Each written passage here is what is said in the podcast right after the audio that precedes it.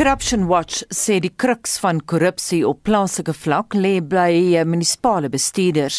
Die organisasie het gister 'n verslag vrygestel wat fokus op die korrupsie wat munisipaliteite vir bykans 10 jaar reeds lam lê. Dit is geskoei op getuienis van meer as 5000 fluitjieblassers wat korrupsie binne plaaslike regerings van 2012 tot die einde van verlede jaar by Corruption Watch aangemeld het. Mitsi van der Merwe het meer.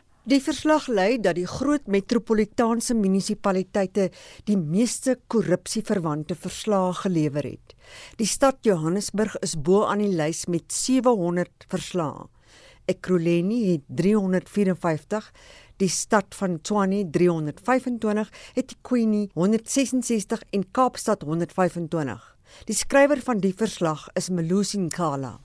From a sample of over 33000 16% of them are about local government. These reports talk about issues of corruption, the office of the municipal manager, as well as local police or metro police, and also the housing departments, at least at the local level. It's not necessarily that they're going up, it's more a case of members of the public are well aware of nefarious activities that their leaders are involved in. Omkopery is die mees algemene vorm van korrupsie op plaaslike regeringsvlak, gevolg deur aankope en dienslewering onreëlmatighede, misbruik van mag en verduistering van geld. Die meeste onreëlmatighede gebeur in die kantoor van die munisipale bestuurder, sowat 34% van alle verslae ontvang. Dit is regstreeks verbind aan dienslewering. Die plaaslike en metropolisie word in 30% van die verslae geïmpliseer. Daarna volg die departement van behuising en menslike nedersettings. Bribery accounts for 28%, procurement irregularities about 24%. What we find at least that the most of the bribery cases relate to interactions that members of the public have with police officers, right? So that is where police officers will try to solicit a bribe. Daar word na nepotisme, omkopery en die miskenning van beleid en wette verwys waarvoor verdagte amptenare baie min verantwoordbaar gehou word. Daar is verskeie gevalle waar maatskappye twee keer verdienste rekeninge ontvang. In die stad Kaapstad is daar beweringe van sake syndikaate wat groot beheer oor die munisipale prosesse het. Die jongste geskatte bedrag van die ouditeur-generaal is dat die onreëlmatige uitgawes in plaaslike regering 32 miljard rand beloop. There are these cartel-like structures operating within municipalities. These are companies that have and continue to receive tenders provided for by the managers, but what we find that is that people still are not receiving the services that are said to be done by these companies. So you find that a company will bid to build a road or bid to build a park, but none of that is happening. But 10% of that contract, at least in terms of kickbacks, will go to officials within the municipality. Corruption Watch skets die uitwerking van korrupsie in plaaslike regering op die samelewing en dienslewering. This is highlighted by the fact there's a lack of basic service delivery. Many communities, people are still struggling to get water and sanitation. There are issues with electricity provisions. Some people don't even get houses. So these are very important things that local municipalities are supposed to provide for because this is where actual governance happens. It's not necessarily at provincial or national government, but local municipalities are the people to make sure that our democracy is realized for many many people. Die land is geskeduleer om die 6ste munisipale verkiesing in Oktober vanjaar te hou. Daar is posisies in die 8 metropolitaanse munisipaliteite, 44 distriks en 200 plaaslike munisipaliteite wat gevul moet word. Dit is 'n uitsonderlike verkiesing omdat dit midde die COVID-19 pandemie gehou word wat baie gemeenskappe swaar getref het. Corruption Watch sê dit is moeilik om die verspreiding van die virus te beperk waar skole en informele nedersettings nie toegang tot water en sanitasie het nie. Die bevolking te dig is as gevolg van 'n tekort aan behoorlike behuising en met plaaslike regering wat nie dienste lewer nie. Die Burgerlike Samelewingsgroep raai burgers aan om aan te hou om korrupsie in hulle gemeenskappe aan te meld.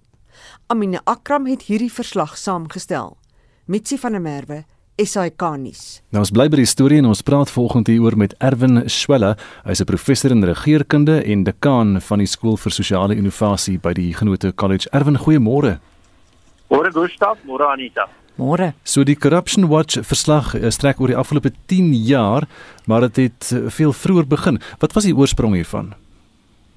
Die oorsprong is 'n uh, waarskynlik in 'n baie swak bestuurde oorgang vanaf 'n uh, totalitêre, nie-demokratiese staat na 'n poging tot 'n regstaat en 'n demokratiese grondwetlike staat. So daar's baie wetgewing gemaak ehm um, en in die onderhandelinge en 'n mens moet dit so ver terugneem, uh, is daar baie uh, kom ons sê beloftes gemaak oor hoe goeie regering gaan plaasvind. Maar dit het nie eintlik in ag geneem dat daar diepliggende sistemiese en kulturele kwessies is wat ons daartoe gelei het dat al hierdie aspirasies en goeie hoop wat ons gehad het uh, op 'n manier verwater het en verval het. So die verval het waarskynlik begin uh toe daar ander voor ander forme van van ehm um, incumbency nee hmm. toe toe nuwe strukture geskep is nuwe benaderings tot die vol van daai strukture ehm um, gebeur het en uiteindelik het daar 'n stadig maar seker proses eintlik so van ongeveer die middel van die tweede termyn ehm um, van die tweede presidentskap uh, in die tyd van meneer Mbeki begine plaasvind. En stadig maar seker is hierdie kultuur van straffeloosheid en uh, blinde lojaliteit en partygebondenheid oorgeneem en ons sien dan dat um, in die Zuma era byvoorbeeld die ouditeur-generaal se verslag wat eintlik in 'n baie groot mate korreleer met die bevindinge van Corruption Watch wat nou 10 jaar hierdie goed moniteer dat daar 'n voortdurende getuienis is van 'n verswakking van hierdie omstandighede. En dit is nie 'n maklike selfverklaring nie want ons moet diepliggende sistemiese en ook kultuurverklaringe gee, nie net die oppervlakkige verklaringe van ja, hier is 'n klomp slegte mense wat optree net in hulle eie belang nie. Dit is ook waar, maar daar's ook baie meer gesofistikeerde uh, analitiese verklaringe vir hierdie vir hierdie soort van situasie. Erwin en daarvan gepraat jy verwys nou na kultuur. Is die kultuur van korrupsie gekoppel aan die kultuur van toeëning? Die hele kulturele dimensie is 'n baie sensitiewe dimensie en 'n mens moet baie versigtig daaroor wees om nie veralgemenings en op een of ander manier ehm um, jy weet uit te kom by goed wat wat werk met eh uh, uh, oorveenvoudigde veralgemenings nie. 'n kultuur slaan oor 'n klomp dinge. Dit dit kan begin by 'n kultuur van byvoorbeeld die moderniteit teenoor tradisionele waardes. Nee, ehm um, bepaalde waardes uh, is meer bevorderlik vir goeie regering en administrasie. En dit is waardes wat gerig is op moderne sieninge oor byvoorbeeld aanspreeklikheid, die regstaat, uh uh grondwetlikheid. Uh aan die ander kant is dit ook waardes wat te maak het met professionalisme, ehm um, professionalisme in teenstelling met byvoorbeeld populisme en politiek. Ehm um, dit het te maak met 'n ingesteldheid van moraliteit en integriteit. So 'n mens moet 'n waardekompleks kry wat in 'n sekere sin die die instrumentele dimensies dryf, met ander woorde goeie regering en administrasie. En in Suid-Afrika het 'n mens en daarna moet 'n mens verseker ook verwys 'n baie groot mate van diversiteit. So uh, mense het verskillende waardestelsels wat resoneer met hulle sieninge van 'n uh, moderne staat teenoor meer tradisionele benaderings. 'n uh, Interessante um, en en redelik filosofiese teenstelling is sê nou maar hoe werk die administratiewe regeerwaardes van Ubuntu waarin daar baie goeie elemente is en die administratiewe en regeerwaardes van sê nou maar 'n Weberiaanse bureaukratiese stelsel waar reëls en en en poste en beheer is. En albei van hierdie twee waardestelsels, die een meer modern, die ander miskien 'n bietjie meer gekoppel aan kollektivisme en tradisionalisme, het goeie eienskappe. Daar's egter ook sekere goed wat disfunksioneel is in die waardestelsels. Bureaukrasie skep te veel bureaukrasie. Ubuntu mag te veel kollektivisme skep. Nou wat ons in Suid-Afrika lyk my baie goed regkry is om die slegstes van hierdie waardestelsels te kombineer. As ons daaraan kan slaag om die om die omgee en die siening van die ander bevoordeel van Ubuntu regtig te gebruik en nie net lippedienste aan te betoon nie en ook die die waardes van oorsig en hiërargie en en reëlgebondenheid van die Hebreëse birokrasie kan ons baie beter doen maar ons slaag absoluut daarin om die soort kollektivisme om die nabye eie te bevoordeel van Ubuntu te kombineer met oormatige verbirokratisering en regulering juis om te probeer om korrupsie te voorkom en ons kry dan 'n klomp onbedoelde gevolge en dit is eintlik ons jammerlike situasie as ons dan streef om die goeie van al twee hierdie stelsels te kombineer dan gaan ons baie verder. Dis baie interessant en in Suid-Afrika fokus ons baie keer op die nasionale politiek. Ons kyk op die TV na die parlement, die parlementslede, al die groot persoonlikhede sit daar in die komitees en en so aan. Maar hoe is dit om om plaaslike politiek te bedryf? Hoe wat gaan aan daar in daardie burgersentrums op die dorpe? Um, en hoekom is dit so korrup? Hoe, hoe hoe diep is daardie krip om uit te vreet daar? Wel, die die die die die die die, die krip is baie diep en en die snoete in die trog is is, is baie.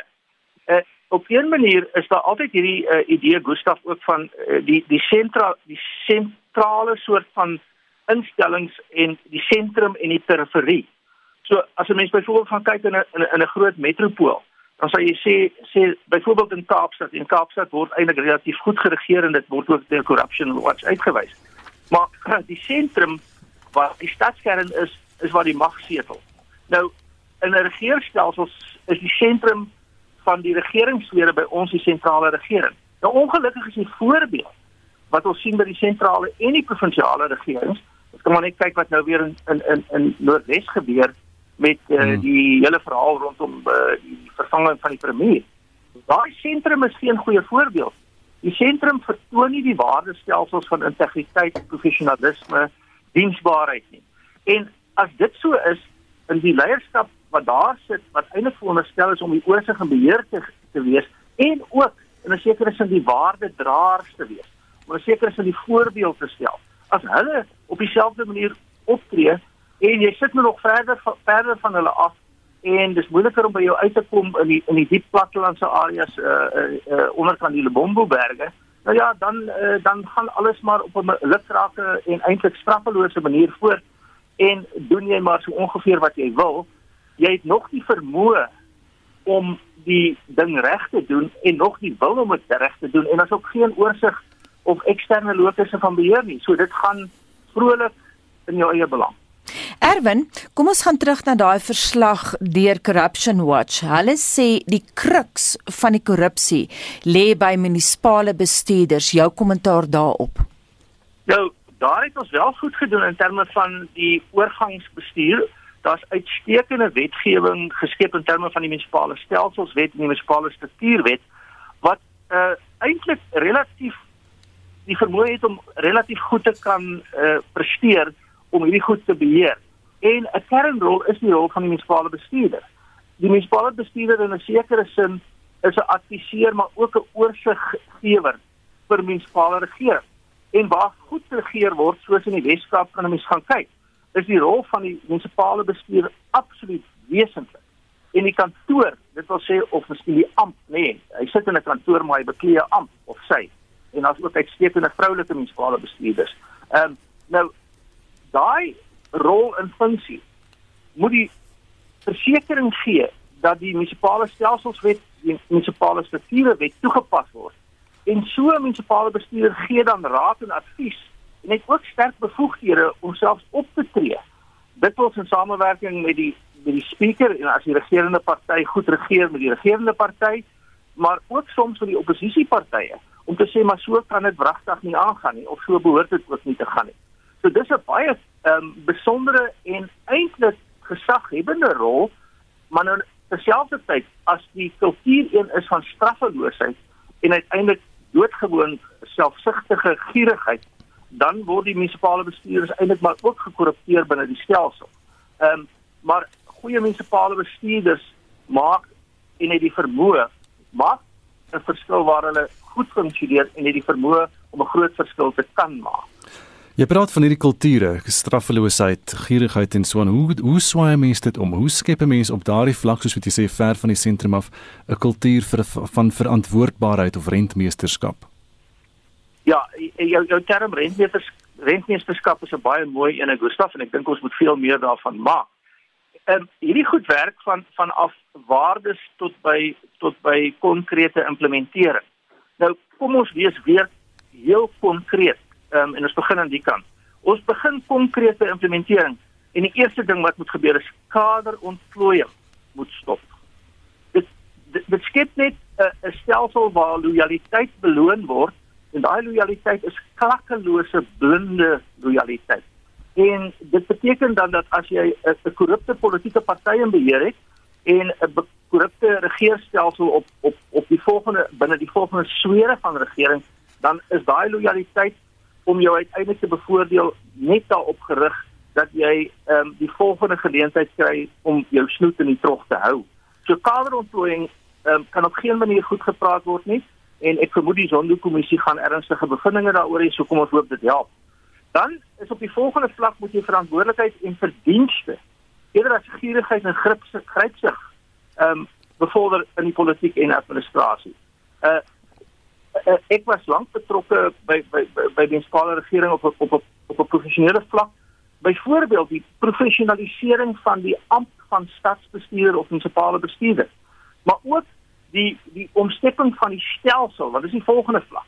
Die stelsel behoort meer, meer voorsiening te maak vir 'n vorm van diensleweringsgeoriënteerde byna korporatiewe bestuur, nie die politisering in die sin van dat daar is nie belange en op 'n manier 'n mededing van belangegroepe om byvoorbeeld oor tyd uh, arme mense as 'n belangegroep te bevoordeel nie maar partytetiese belang word uit die stelsel uitgehaal word. Mense kan nooit munisipale regering as 'n deelnemende demokratiese instelling depolitiseer nie. Jy kan dit departytetiseer um, om seker te maak dat jy dit beter maak. En dan laastens moet daar nuwe waardestelsels bevorder word. Waardestelsels van integriteit, onbaatsigtige rentmeesterskapdiens in belang van die gemeenskap eerder as in die belang van die party of in die belang van ehm um, jou eie klein groepie jou jou jou, jou klein jou stam mm. jou jou familie. Mm. Dit soort van hele spektrum van moontlikhede en hulle moet almal aangespreek word terselfdertyd. Erwin Lasens en kortliks, hoe vinnig draai mens so skip om? Ehm um, ongelukkig nie baie vinnig nie. Ehm um, hier is hier is 'n uh, jarelange ehm um, patrone van gedrag. Onthou kultuur en waardes vestig patrone van gedrag en gewoontes. En ten beste wanneer jy aan die ding begin torring soos aan 'n groot persiese mat. Ehm um, begin jy sistemies aan klein gedeeltes, maar jy moet begin en jy moet strategies daarmee werk. Jy moet die laaghangende vrugte eers pluk. Jy moet eintlik voorbeelde gee van die beloning van en insentifisering van van behoorlike gedrag en absolute voorbeelde van gevolge van vir onbehoorlike gedrag. Dan kry jy 'n gestadige proses van van vernuwing en verandering en 'n herstrukturering van die hele van die hele stelsel. Baie dankie vir 'n interessante gesprek. Erwin Swelle is 'n professor in regeringskunde en dekaan van die skool vir sosiale innovasie by die Huguenot College. Is jy die vloer? Johan Burger van Bredasdorp laat weet vir ons ek is so geseënd om in die Wes-Kaap te kan woon. Na enige swaar reën is munisipale amptenare op die paaie sigbaar of hulle is besig om paaie vir probleme te inspekteer of hulle vriendelike spanne is besig om klein slaggate herstel voordat dit groot slaggate word. Ek dink die grootste rede vir puiktoestande in ons dorpe is dat ons munisipaliteite hulle amptenare vir hulle werk verantwoordelik hou. En 'n luisteraar wat in die Rigtersveld munisipale gebied woon, laat weet, die meeste huise hier het nog riool tanks wat gesuig moet word en jy vra soms vir meer as 2 maande dat hulle jou tank moet kom suig. Die dreine loop al oor dan. Ons betaal elke maand vir die diens en dan is ons munisipaliteit net oop tot 2 uur in die middag. Die karavaanpark hier is nou al gesluit vanaf Desember 2020 vir opgradering. En Mariaan laat weet ek werk self by 'n munisipaliteit en voordat daar nie uh die probleme binne in die munisipaliteit reggestel gaan word nie, gaan dit beslis nie na buite verbeter nie. Dit is chaos. Nou Andrei Potgieter sê stig 'n belastingbetalersvereniging staan onafhanklik met die volgende munisipale verkiesing en stop raadslede se toelaas. Dit moet 'n liefdestaak wees, nie om 'n vaste inkomste te verdien nie. Gebruik die toelaas begroting om beter dienste te lewer. Ons praat vandag oor probleme in munisipaliteite met dienslewering en ons wil by jou weet wat is die grootste probleme wat jy raak sien in jou gebied en wat is jou voorstelle om dit reg te stel? En dan ook spring jy dalk as lid van die publiek self in om dienslewering te verbeter. Stuur vir ons SMS na 45889. Onthou dit kos R1.50 per SMS. Deel jou mening op ons Facebookblad by facebook.com vorentoe skynstreep ZARSG of WhatsApp vir ons stemnota na 076 536 6961. Dis 23 minute voor 8 jy's by Monitor op RSG. Nou die Suid-Afrikaanse akademikus professor Jolanda Spies is die eerste buitelander om aangestel te word as die direkteur van Oxford Universiteit se diplomatieke studies program. Boonop is sy slegs die tweede vrou om hierdie gesogte posisie te beklee. Voor Oxford het professor Spies klas gegee in internasionale studies en diplomatie aan die Zayed Universiteit in Abu Dhabi. Sy het gister aan Anita verduidelik hoe sy die pos by Oxford losgeslaan het. Anita het begin om internasionaal te soek vir 'n direkteur van die diplomatieke studies program nadat die program eksponensieel uitgebrei het, nie net met sy internasionale profiel nie, maar ook in terme van die akademiese dimensie van die program self. Die diplomatieke studies program is 52 jaar oud, maar dit is nou eers 3 jaar gelede dat dit verander het in 'n meestersgraad program. En tot en met my voorganger het hulle slegs Britse ambassadeurs gekies om die direkteursposisie te vul. En toe hulle nou agtergekom het iemand nodig met 'n groter akademiese profiel. En omdat ek spesifiek navorsing gedoen het oor diplomatieke studies, dit was die onderwerp van my doktorale studies, dit is die onderwerp van twee van die boeke wat ek geskryf het, het hulle my genooi vir die onderhoud en dit is toe nou hoe ek die pos gekry het. En jy slegs die tweede vrou in 52 jaar. In 52 jaar my direkte voorganger was 'n vrou 'n Britse diplomaat, maar ek is die eerste buitelander ooit wat vir die pos oorweeg is. En nommer 2, ek is die eerste persoon ooit wat ook 'n alumna van daai selfde program is. 25 jaar gelede was ek 'n student by Oxford en ek het hierdie diplomatieke studies program self gedoen. Baie geluk, maar kom ons kyk na jou agtergrond. Daar's 'n rede hoekom jy gekies is. Jy was 'n uh, 'n hele ruk gewees in Abu Dhabi waar jy klas gegee het in diplomatie aan die Zayed Universiteit. Jy kan nou vir die eerste keer vrylik praat. Jy kon nie met my onderhoude voer toe jy nog daar gestasioneer was nie. Hoe het jy daai tyd in Abu Dhabi ervaar as 'n vrou? Ek kan dit net uit 'n baie persoonlike oogpunt aan jou verduidelik. Ek is 'n baie avontuurlustige mens en daarom het ek die hele ervaring gesien as 'n leerproses. Abu Dhabi, wat die hoofstad is van die Verenigde Arabiese Emirate, is 'n baie progressiewe Arabiese land.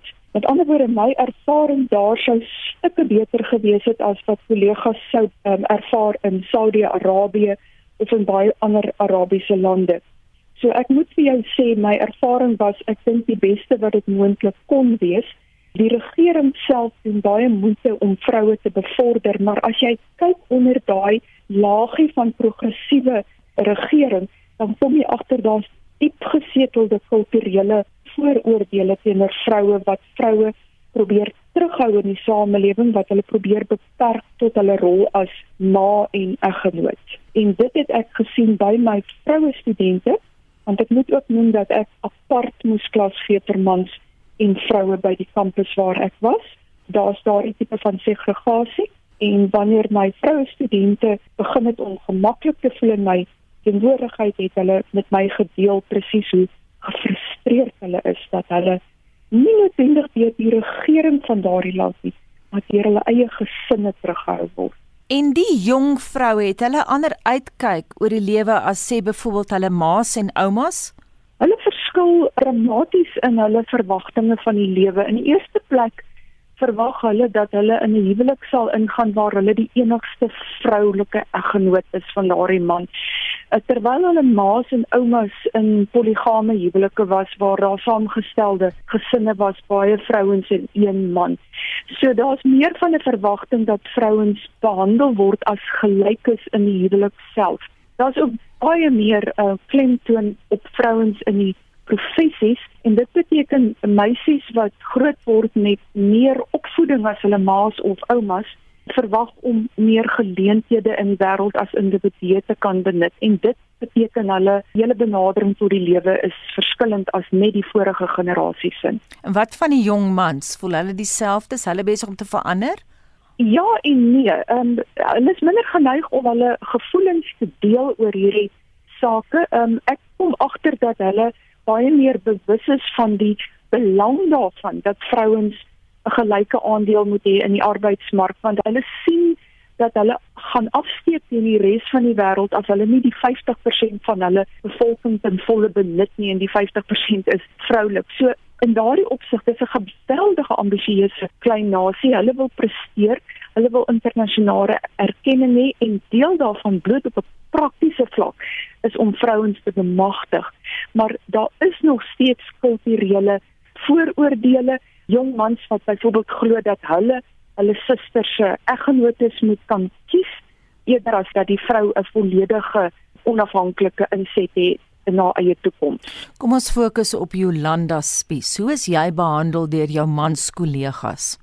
Die meeste van my mans kollegas terwyl ek daar gewerk het, was buitelanders gewees. Uh, daar was bitter min emiraties wat akademici was by die universiteit waar ek gewerk het en dit is omdat hulle vir die laaste dekade of 2 soos baie van die golfstate te veel staat gemaak het op hulle olierykdom en eenvoudig buitelanders ingevoer het om die werk te doen in daardie land. Dit is nou besig om te verander en die land het nou 'n program wat hulle noem Emiratization waarin hulle hulle eie mense probeer oplei om daai rolle oor te neem. So ek is goed behandel deur my buitelandse kollegas. Om terug te kom na Abu Dhabi self, as jy nou rond beweeg het en so aan, was jy altyd korrek aangetrek? Moet jy die hijab dra?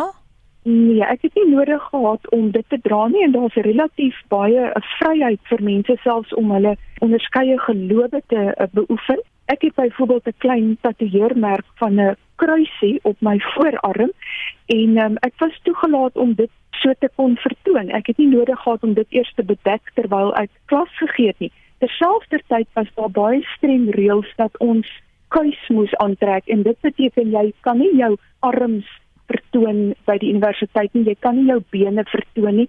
So ons was baie bewus daarvan dat ons moes kuis lyk. En ek moet vir jou sê Anita, nou dat ek in die Weste woon die laaste paar weke, is ek geskok om te sien hoeveel vlees vrouens vertoon. Nadat ek 2 jaar in die Midde-Ooste was waar vrouens onder alle omstandighede netjies in kuis aantrek. so ek raak weer gewoond aan die vryhede van die liggaam. Weereens ehm um, Verenigde Arabiese Emirate is een van die mees progressiewe lande. So hulle hulle het nie byvoorbeeld die skeiding wat jy in Saudi-Arabië het tussen winkels waar vrouens nie saam met mans mag in areas beweeg nie. Wat wel waar is is dat in al die openbare plekke soos in hospitale byvoorbeeld as jy in 'n wagkamer sit dan is daar 'n aparte wagkamer vir vrouens en vir mans. En daar is 'n sekere sekuriteit daaraan. Dit is interessant want as mens uit 'n westerse oogpunt daarna kyk dan klink dit soos diskriminasie maar daai land is so veilig. Ek kon 3 uur in die oggend enige plek rondloop in enige taxi inklim en ek het nooit nooit gevrees dat iemand my iets sou aandoen nie. Die positiewe kant van daai diskriminasie is dat vrouens ook regtig veilig bewaar word. En anders as in Saudi-Arabië kan jy rondbeweeg alleen as vrou.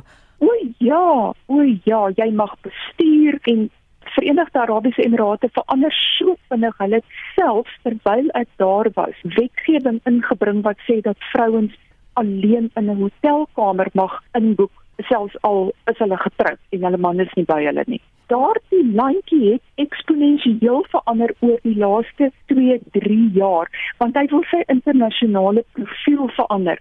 Hy sien homself as 'n deur, as 'n hek vir die wêreld om handel te dryf en om internasionale konferensies te hou en omdat hy daardie beeld wil verwesenlik, beteken dit ook hy moet binne sy eie landsgrense in die 21ste eeu regeer. Jy het nou 'n paar vergelykings getref tussen Saudi-Arabië en die Verenigde Arabiese Emirate. Wat van sensuur? Ons weet dit is baie erg in Saudi-Arabië. Hoe lyk ja. dinge in die Verenigde Arabiese Emirate? Nee, absoluut. Kyk, dit is nie 'n demokrasie nie. Daar is nie vryheid van spraak nie. Jy maak nie 'n koerant oop en lees 'n editorial wat die regering kritiseer nie. Daai kritiek bestaan nie. En dit as akademikus en as iemand wat spesialiseer in internasionale betrekkinge was vir my waarskynlik die moeilikste om mee te deel want ek moes gesprekke voer met my studente oor omstrede onderwerpe wat eintlik nie aangeraak mag word nie. As jy nou terugdink, is interessant jy sê net nou dat nou dat jy in die VK is, kom jy agter hoeveel vlees vroue blootstel, hoe hulle aantrek wat jou eintlik ja. geskok het. Wat mis jy van Abu Dhabi? Ek mis die elegansie van die mense rondom my, die kalmte, die veiligheid, hoe skoon alles was.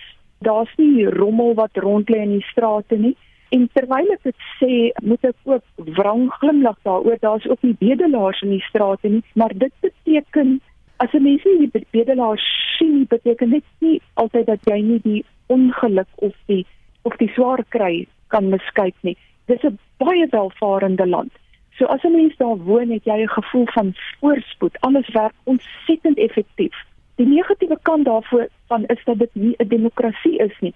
As die regering besluit om iets te implementeer, dan doen hulle dit. Daar is geen oppositie nie, daar's geen debat daaroor nie. En as dit 'n effektiewe regering is, dan word dit uitstekend gedoen. Die vraag is wat gebeur as daardie regering in die hande is van mense wat oneties en immoreel optree? Hoe is dit nou vir jou in Brittanje? Het nou verwys na die klere wat vir jou 'n bietjie weer van 'n kultuurskok was. Maar hoe anders is die weste nou vir jou op ander vlakke nadat jy nou lank in Abu Dhabi was? Die politieke korrektheid eh, wat hier in die weste hooggetyd vier. Ek moes byvoorbeeld hier by Oxford aanland as deel van my noodsaaklike opleiding. Moes ek verskeie kursusse doen in sensitiwiteit as 'n mens dit so kan noem om seker te maak ek gaan nie diskrimineer byvoorbeeld teen mense wat kort is of mense wat oorgewig is. Ek moes ellelange opleidingsprogramme doen en almal wat hier werk moet daai opleiding doen. En ek kon nie help om te dink hoe blaatant daar in die Midde-Ooste gediskrimineer word. Daar's geen sensitiwiteit daaroor nie. Inteendeel, dis die norm terwyl hier mense ultra sensitief teenoor enigiets wat enige iemand kan aanstoot gee. Word daar vandag steeds gediskrimineer teen vroue in die diplomatieke diens? Verseker Anita, 85% van ambassadeurs wêreldwyd is mans tot en met die 20ste eeu was vrouens nie eers toegelaat om diplomate te word nie. Die professie was eenvoudig gesien as te gevaarlik vir vrouens. Vrouens was ook beskou as eiendom in antieke tye. Hulle is gegee as geskenke deur diplomate eerder as wat hulle die diplomate self was. En dit is 'n probleem wat nog steeds bestaan. Vrouens weens hulle rol as ma's word gesien as primêr lojaal teenoor hulle gesinne en dit maak dit moeilik vir vrouens sê maar om swanger te raak, kinders te baar en nog steeds poste in verskillende plekke van die wêreld te kan vervul. So daar's baie lande wat op 'n kulturele vlak nog steeds teen vroue diskrimineer en toe ek begin het as diplomaat, was daar nog steeds die reël gewees dat vrouens nie diplomate kon word nie, hulle kon net ondersteunende rolle vervul, soos sekretarisses en adminbeamptes. Kan jy in jou posisie nou dinge 'n bietjie verander? Wel, ek besluit wie ons kandidate is wat ons wêreldwyd in ons program toelaat en uh, natuurlik gaan ek seker maak dat daar eh, 'n uh, gelyke verteenwoordiging van vrouens is en natuurlik deur 'n rolmodel te wees vir die diplomate want dit is diplomate wat hierdie meestersgraad kom doen kan ek 'n impak op hulle hê nie net op die vrouens nie maar ook op die mans En dit dan professor Jolanda Spies, nuwe direkteur van die diplomatieke studiesprogram aan die Universiteit van Oxford. Die Amerikaanse president Joe Biden het te kenne gegee dat Amerikaanse soldate dalk langer in Afghanistan sal bly as wat hy voorgehoop het. Hulle moet verseker dat Amerikaanse burgers ook die land verlaat, Marlenae Forsie het vir ons die agtergrond Marlenae. Moranita Biden se erkenning moes omtrent uit hom gereig word. Um, dit is nou tydens 'n onderhoud met die nuuskanaal ABC. So Americans should understand that troops might have to be there beyond August 31st. No, Americans should understand that we're going to try to get it done before August 31st. But if we don't, troops will if stay. If we don't, we'll determine at the time who's left. And and if there are American forces, if there's American citizens left, we're going to stay till we get them all out. Volgens die voorsitter van Amerika se gesamentlike personeelhoofde, generaal Mark Milley, hou die Taliban nog nie 'n gevaar in vir Amerikaanse burgers in Afghanistan nie. Taliban are in and around Kabul right now, but they are not interfering with our operations. Through the State Department, the Taliban are facilitating the safe passage to the airport for American citizens, that is US passport holders. Intussen is miljarde rand se nood en humanitêre befondsing wat aan Afghanistan geskenk sou word opgeskort. Die oë van die wêreld is op die Taliban gerig en die skrywer van verskeie boeke oor die groep, professor William Maley, sê dit kan nie oorskat word nie. A crucial uh, issue, I think, will be what is the impact on the Afghan economy of the freezing of the reserves of the Afghanistan Bank. Uh, which are held internationally. And that could well lead, in short order, to a collapse of the Afghan currency and to a sharp spike in food prices as the winter looms. And this is the kind of combustible environment in which uh, things can get very rough. En dit was die skrywer van verskeie boeke oor die Taliban, professor William Maley. En dan gaan ons na 'n ander deel van die wêreld. In Haiti het die amptelike dodetal tot sowat 2000 gestyg na die afgelope naweek se aardbewing.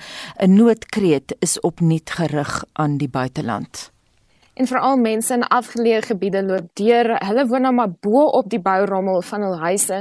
Nou die vrou se 15-jarige seun was besig om sy selfoon in die huis te laai toe die aardbewing getref het. Hy's op die plek dood en geen nooddienste of reddingswerkers was al hier nie.